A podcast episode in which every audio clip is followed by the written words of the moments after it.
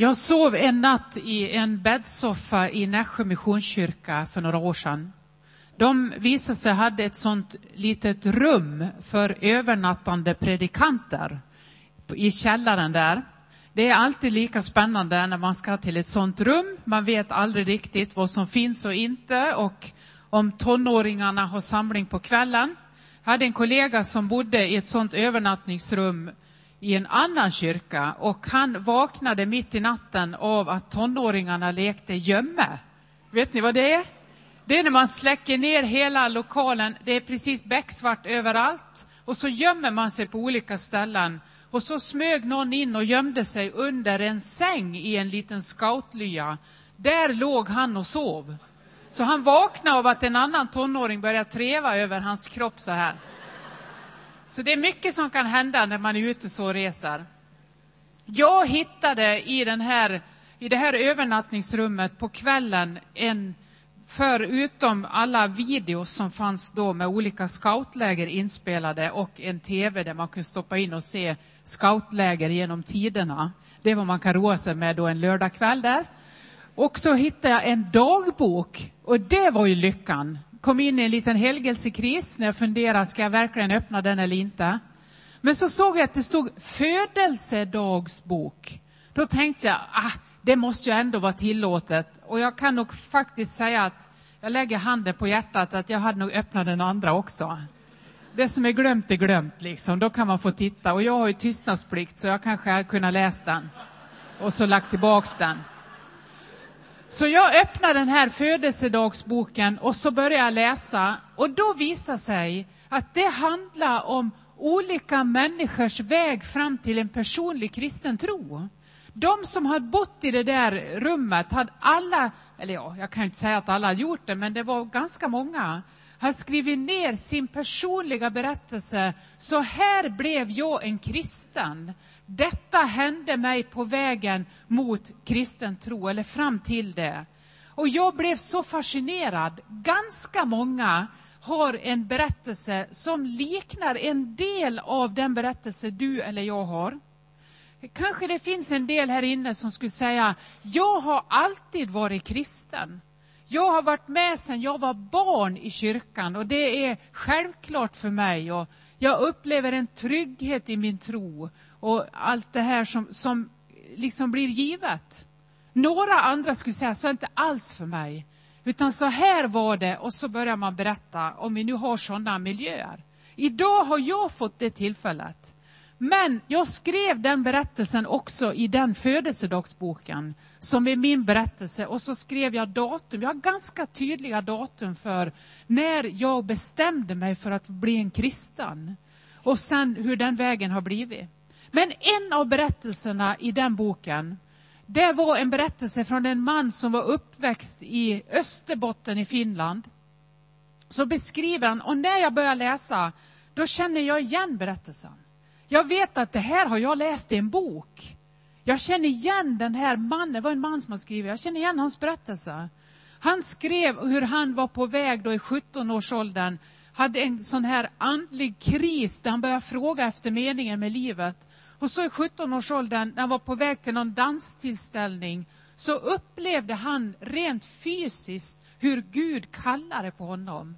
Och så skriver han hur han böjde knä på grusvägen någonstans i Närpes i Finland. Och så bad han en bön om att Herren skulle ta över och bli, han skulle få bli kristen, han skulle ta över hans liv.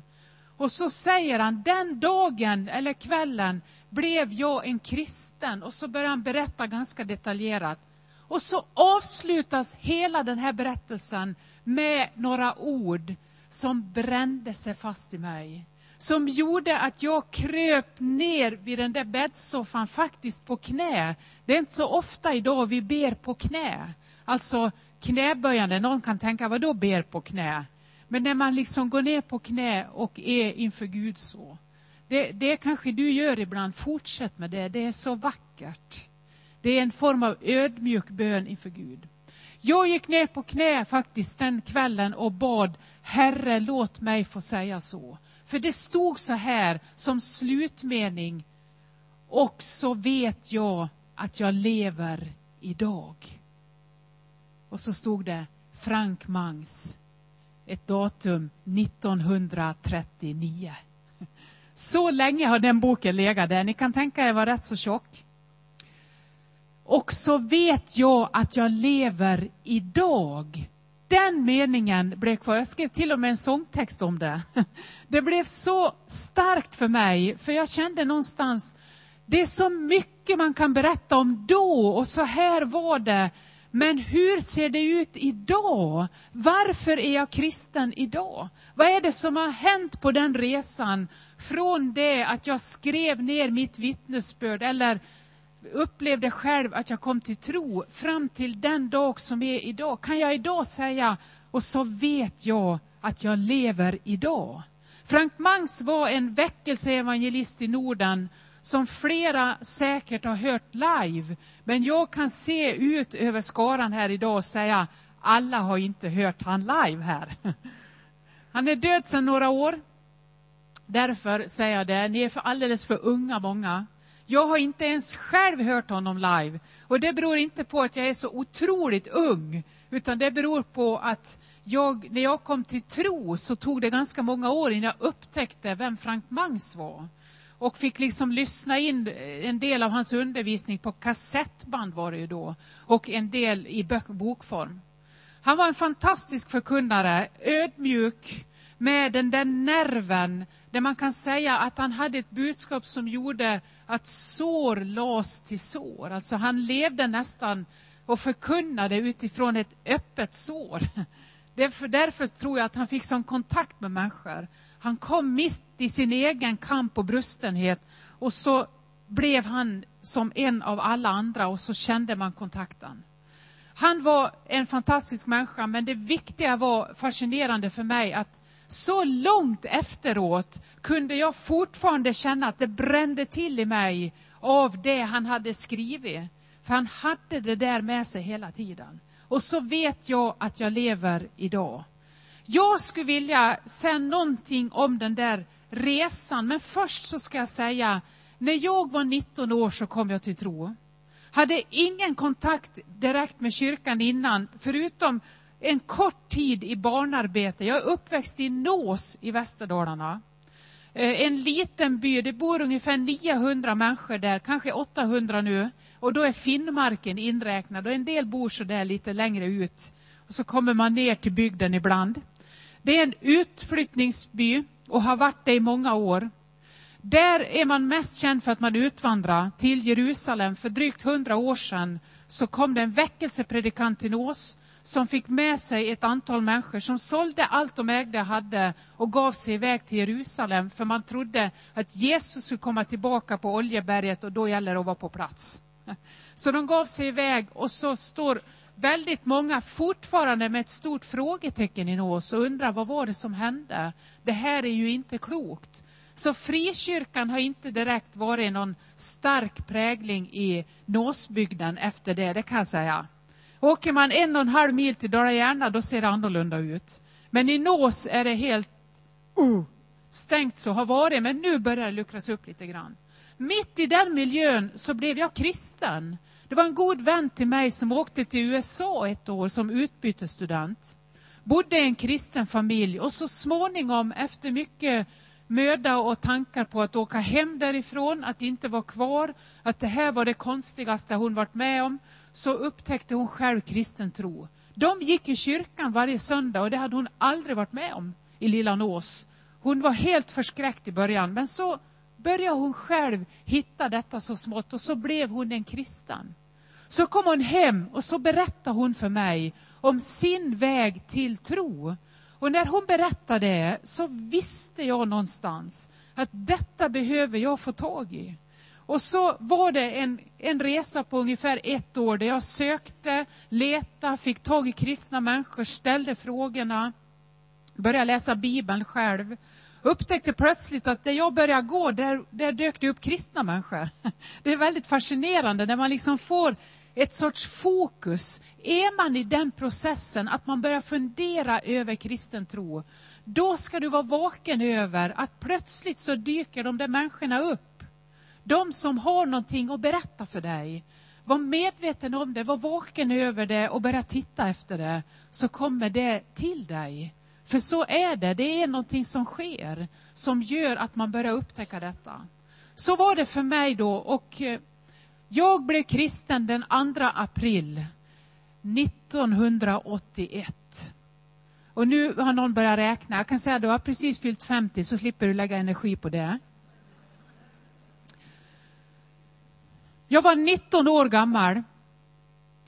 Och så började jag leta mig in i kyrkan. Och så fick jag veta ganska snabbt och förstå att det är viktigt att berätta för någon. Det är viktigt att du delar tron så fort som möjligt. Ty om du med din mun bekänner och i ditt hjärta tror.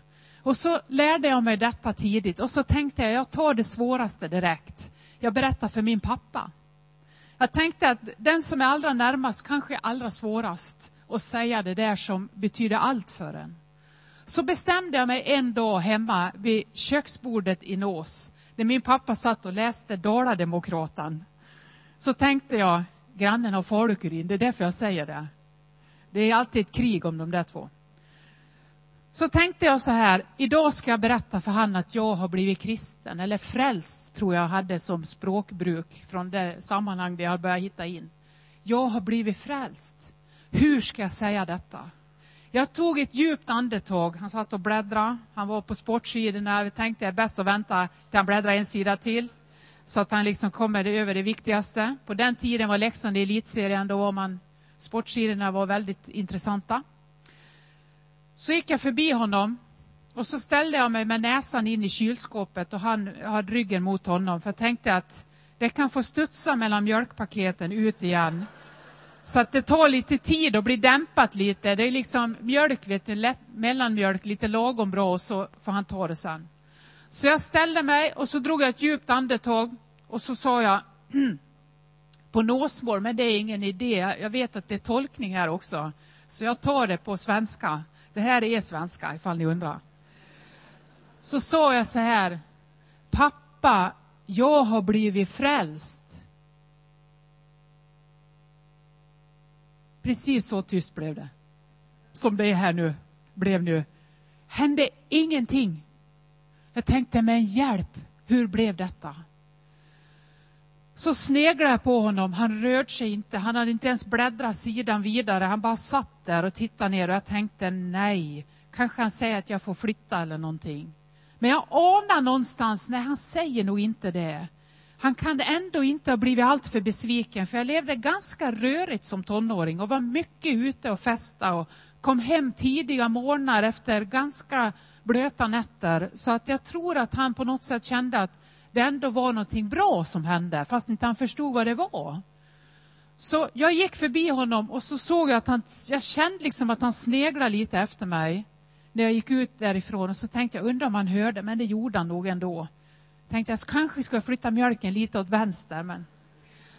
Och så dröjde det ett, ett par dagar, hände ingenting. Så kom han och tog kontakt med mig.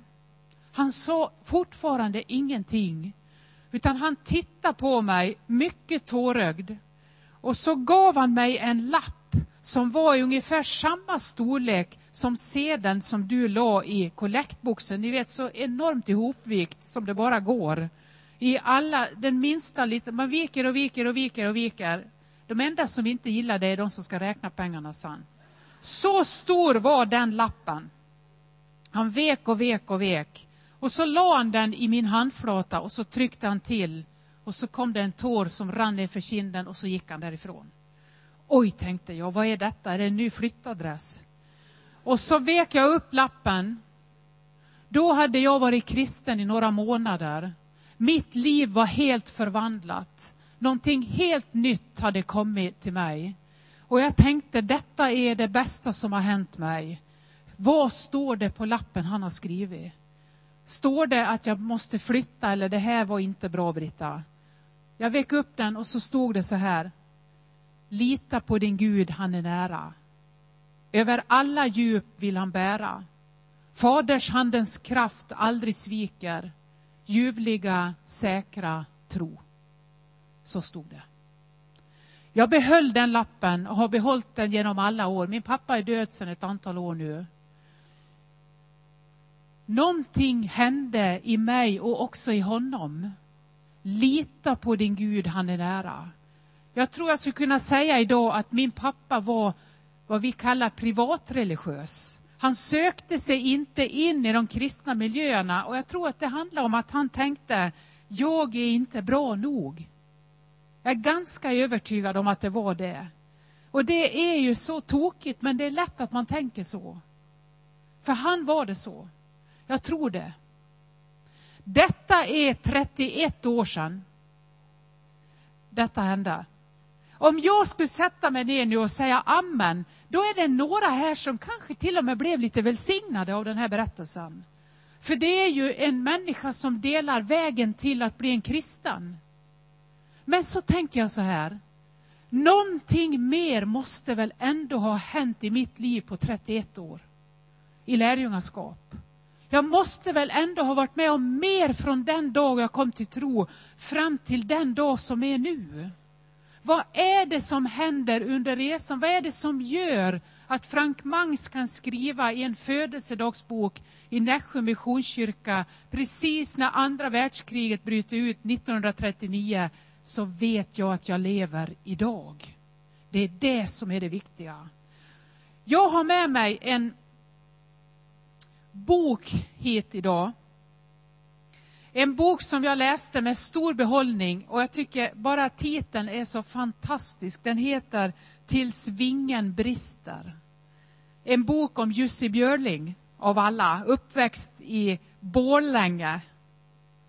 Samma ställe som Roland Hellsten. Borlänge, säger de där. Roland Hellsten och Jussi Björling, det är väl Borlänges stolthet. Sen vet inte jag så mycket mer om dem. Jag håller upp den och så säger jag, detta är berättelsen om Jussi Björlings liv. Det är en pocket av Yrsa Stenius. Han var ett underbarn, en tenor som sjöng så gudomligt vackert så att nästan fönstren sprack. En enorm röst som berörde hela världen, han var världstenor. Han dog innan han hade fyllt 50 år, 49 år gammal, i en stor hjärtinfarkt visade sig att hela hans hjärta var perforerat av små infarkter och en dag höll det inte längre. Han levde under en enorm press och en dag så brast den vingen. Jag ska läsa bara lite, precis i början och precis i slutet. Och så här står det först på baksidan. Att ha en röst som Jussi Björlings är en gudagåva. En gudagåva som la världen för hans fötter, men som stundtals var honom övermäktigt tung att bära. Han sjöng så lätt, till synes mödolöst, som om han så svingade sig upp mot tonhöjder i trakterna av D ovanför höga C, eller flöt stilla i djupt baritonläge.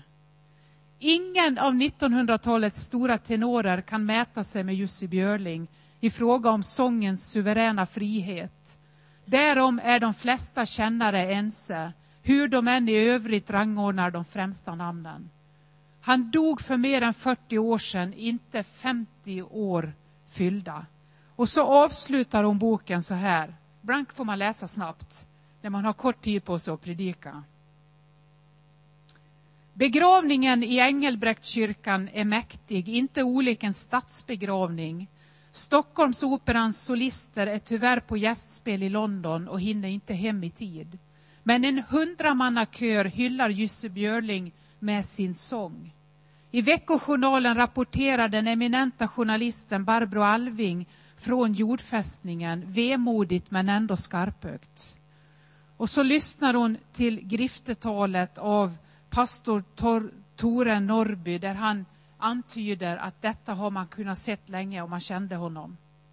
Så står det så här, sista raderna, så har det då äntligen tagit slut. Hundramannakören sjunger Sverige, det land där våra barn en gång får bo och våra fäder sova under kyrkohällen. Och allt är mycket vackert. Allt är mycket vackert, men alldeles fel.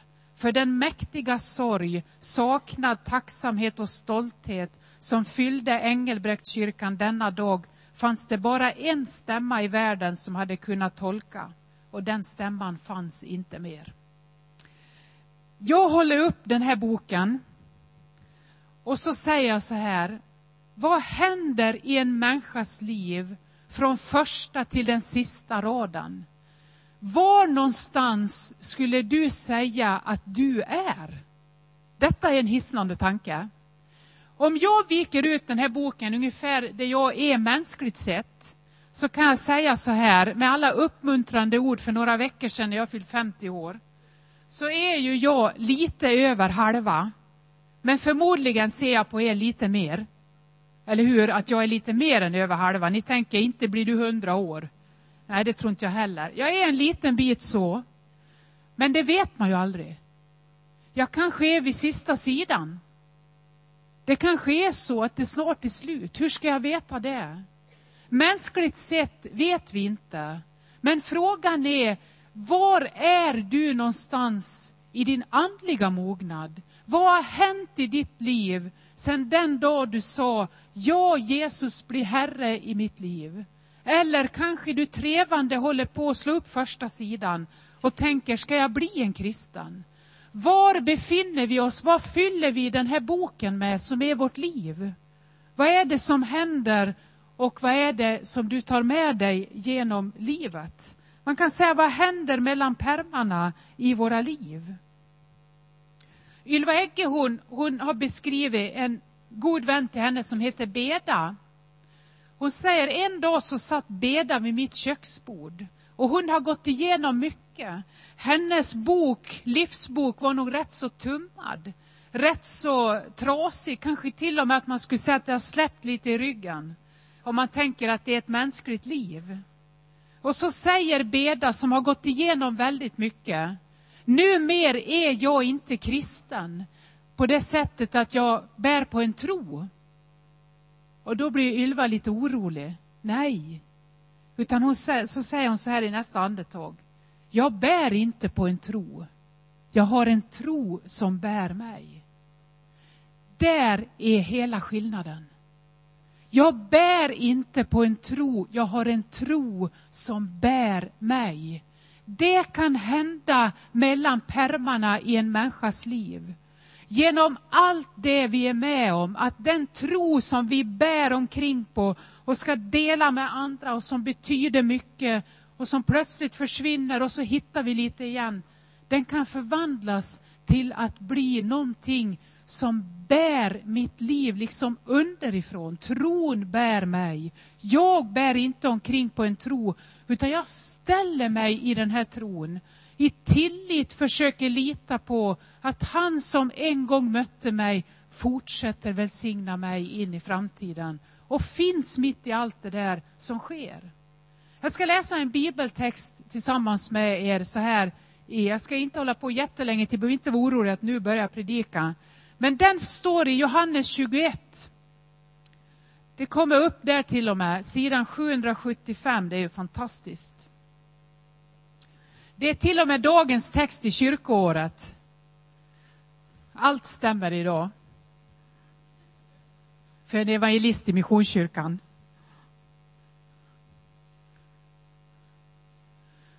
Sidan 7, det där kan nästan inte jag uttala. 775. Sju är en väldigt magiskt tal på många vis. Sedan visade sig Jesus igen för lärjungarna vid Tiberiassjön efter uppståndelsen.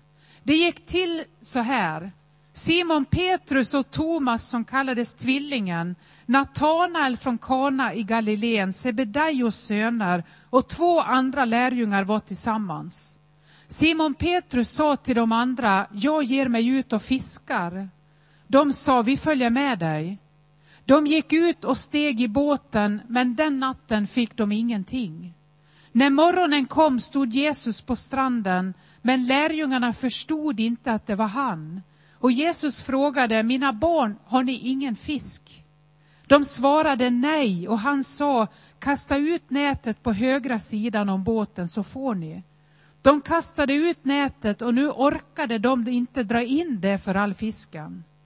Den lärjunge som Jesus älskade sa då till Petrus, det är Herren. När Simon Petrus hörde att det var Herren knöt han om sig ytterplagget, för han var inte klädd, och hoppade i vattnet. De andra lärjungarna kom efter i båten med fångsten på släp. De hade inte långt till land, bara ett hundratal meter. Då de steg i land fick de se en glödhög och fisk som låg på den och bröd. Jesus sa till dem, hämta några av fiskarna som ni just fick. Simon Petrus gick upp på stranden och drog i land nätet som var fullt av stora fiskar, 153 stycken. Och fast det var så många gick nätet inte sönder. Jesus sa till lärjungarna, kom och ät. Ingen av dem vågade fråga honom vem han var. De förstod att det var Herren. Jesus gick fram och tog brödet och gav dem och likaså fisken. Detta var tredje gången som Jesus visade sig för sina lärjungar sedan han uppstått från de döda. En liten glittrande fisk slog med skärten i min mage. Så sa Kristin Falkenland när hon blev kristen. En av våra stora poeter, författare idag. Hon skrev ett vittnesbörd i tidningen Trots allt. Där hon skulle beskriva vad var det som hände när du kom till tro. Då berättade hon hur hon tog emot bröd och vin i nattvarden som vi snart ska få göra. Och så säger hon, det som hände var att en liten glittrande fisk slog med skärten i min mage. Så skulle aldrig jag uttrycka mig, men jag tycker det är helt fantastiskt sagt. Visst kan vi känna igen det om vi har varit med om den beröringen. Att det är som att hålla en liten darrig fisk, att det slår till i magen. Glittret tror jag är hemligheten till att jag är kristen idag. Jag skulle vilja följa Petrus och jag ska avsluta med att säga så här. Följ Petrus genom evangeliet. Från det att han första gången när han är i sitt fiske hör kallelsen Följ mig. Till förnekelsen när han står vid den här kolelden och säger tre gånger när de frågar Är du Jesu lärjunge? Nej, nej, nej, jag känner inte den mannen. Till han drar i land detta stora nät med 153 fiskar. Solen är på väg upp, det är gryningen. Och så ser han hur det glittrar bland fiskarna. Tills han står på pingstdagen inför 3000 minst, tusentals personer och den helige ande faller över hela samlingen Solen bryter igenom. Jag tänker mig att det glittrar i halsband, i olika smycken människor har och när eldsflammorna av anden kommer över den stora samlingen där han står. Då tror jag att han kommer ihåg när han drog i land sin fisk. Och kanske det glittret är det som gör att han fortsätter. Och så tänker jag så här, nu bryter solen igenom i Saronkyrkan. Vi ska snart ta emot nattvardens gåvor. Och då ser jag att det glittrar ibland oss för att Petrus sa ja.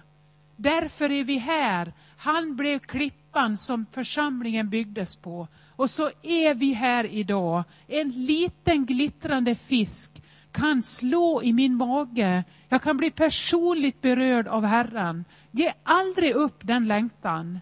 Jag kan också se glittret i ögonen på mina medmänniskor och tänka, det är därför jag är kristen. För att vi tillsammans får ta emot, för att jag själv får bli berörd av detta. Och för att tron från att vara någonting som jag har burit omkring på nu bär mitt liv. Genom allt och ganska mycket utan egen prestation. Oftast så är det så att den tro som ska bära våra liv, den kommer av sig själv. Det är någonting som sker mitt i kampen som gör att jag en dag sätter ner fötterna i någon mylla som jag vet, nej men nu håller detta att stå i. Det är den tro som har varit igenom en del stormar, precis som Petrus tro. Precis som Frank Mangs tro. Och kanske också lite som min tro och som din. Vi ber tillsammans.